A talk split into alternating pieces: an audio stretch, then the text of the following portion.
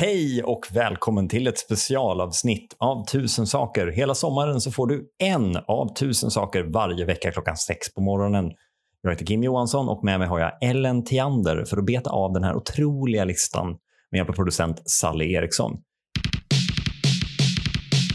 Punkt 300. Folk som säger att Malmö är fult. Man bara, ja exakt, kom till sak. Nej, men det händer emellanåt att man småpratar lite om fördelarna med Malmö.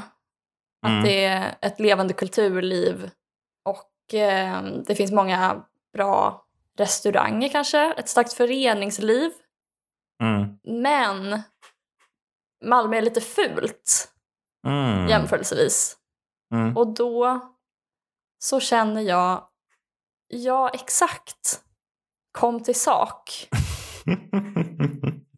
Alltså för att det är som jag ser det hela poängen med Malmö. Eller det är ju liksom ett, en premiss. mm.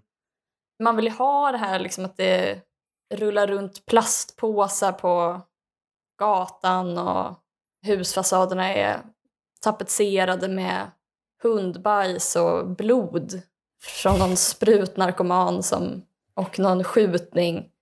Mitt problem kanske snarare är att Stockholm är fint Mm. man är för ful för Stockholm helt enkelt.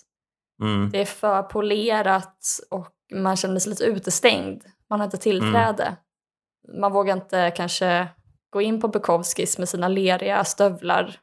Man måste liksom kamma sig för att få gå utanför dörren.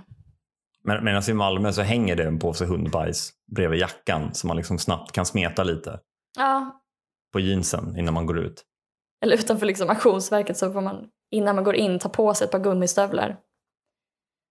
Men är, kan inte det också vara lite ett, ett smart drag av, eh, vad heter hon nu, Katarina Jan... Eh, Katarina Stjernfeldt Jamme heter hon, Malmös Mm. starke man. Eh, socialdemokrat, givetvis. Eh, kan inte det vara en plan då? För jag tänker att typ, för några år sedan så var det statskupp i Gambia. En, en Mm. demokratisk sån. Man, man störtade en diktator genom ett väldigt avancerat upplägg med uppbrända valsedlar och liknande. Mm. Och ehm, den nya regimen är liksom en sammanslutning av den tidigare oppositionen där alla gått, det varit så liksom sprucken opposition så man har bara gått ihop allihop bakom en typ Stefan Löfven som liksom Mm. inte har något inte har några direkta jätteåsikter förutom så här, ja, det ska finnas vägar, vatten avlopp. Mm. Gambias januariavtal. Gambi- Gambias januariavtal. Och då har man, eh, alltså en av de grejerna man gör då är att man rör sig framåt ganska långsamt med de här förändringarna. Alltså det är ett land i skriande behov av förändring, men man rör sig fram ganska långsamt eh, och, och liksom demokratiskt och låter liksom institutioner mala på för att visa för investerare utåt att kolla, det här är ett stabilt land där ni kan stoppa era pengar. Mm. Och liknande så kan man ju se i många svenska städer där man har gått ihop. Nu, nu ska jag inte jämföra någon särskild svensk stad med Gambia, men, men eh, liknande svenska städer där man har gått ihop i Business Improvement District för att liksom skapa förutsättningar för att locka dit investeringar utifrån. Mm. Men investeringar utifrån kommer ju med avkastningskrav och med det följer någon form av exploateringskrav. Alltså om du har ett eh, gulligt litet torg kan vi säga där folk rör sig mycket för att det är en mysig marknad så kanske man vill exploatera det genom att stoppa dit ett café dit folk kan gå och fika och betala Mm. pengar och så kan man lyfta ur pengar från det här torget. Då. Ehm, så på gott och på ont, alltså Gambia behöver ju de här pengarna men Mm. ehm, det gör ju också att får du dit ett litet mysigt café så blir det mysigt att hänga där, då kommer fler människor dit eh, och de har ofta mer pengar och så ja, gentrifiering. Mm. Men om man dränker en stad i hundbajs och blod, då kommer det inga investeringar utifrån. Exakt. Då kommer det inga espresso house.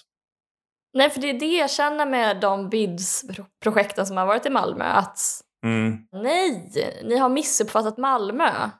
mm, Ni får flytta till Sigtuna till exempel, Vaxholm. Där kan ni hålla hus.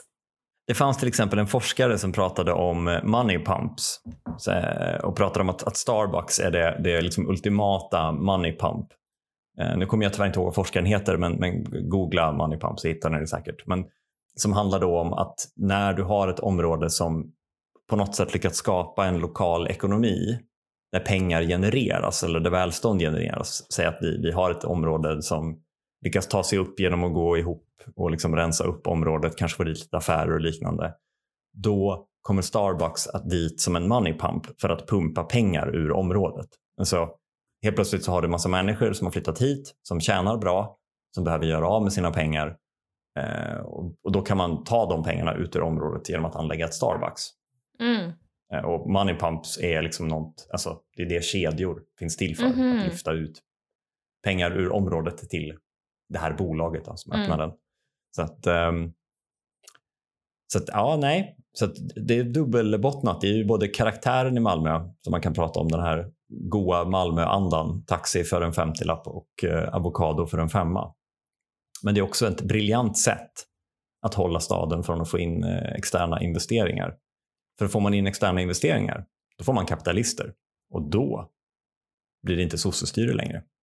Det är ju det sossarna i Stockholm glömde bort. ja, just det. Utländska investeringar betyder också vinster till utländska investerare. Som du säger, pengarna pumpas ut ur landet eller staden. Eller... Mm. Men inte Malmö. De har sina kokaindränkta sedlar för sig själv. Vi får, de, de får behålla de här fem kronorna för avokadon. Det är liksom en parallell ekonomi där. Alla har fem kronor var.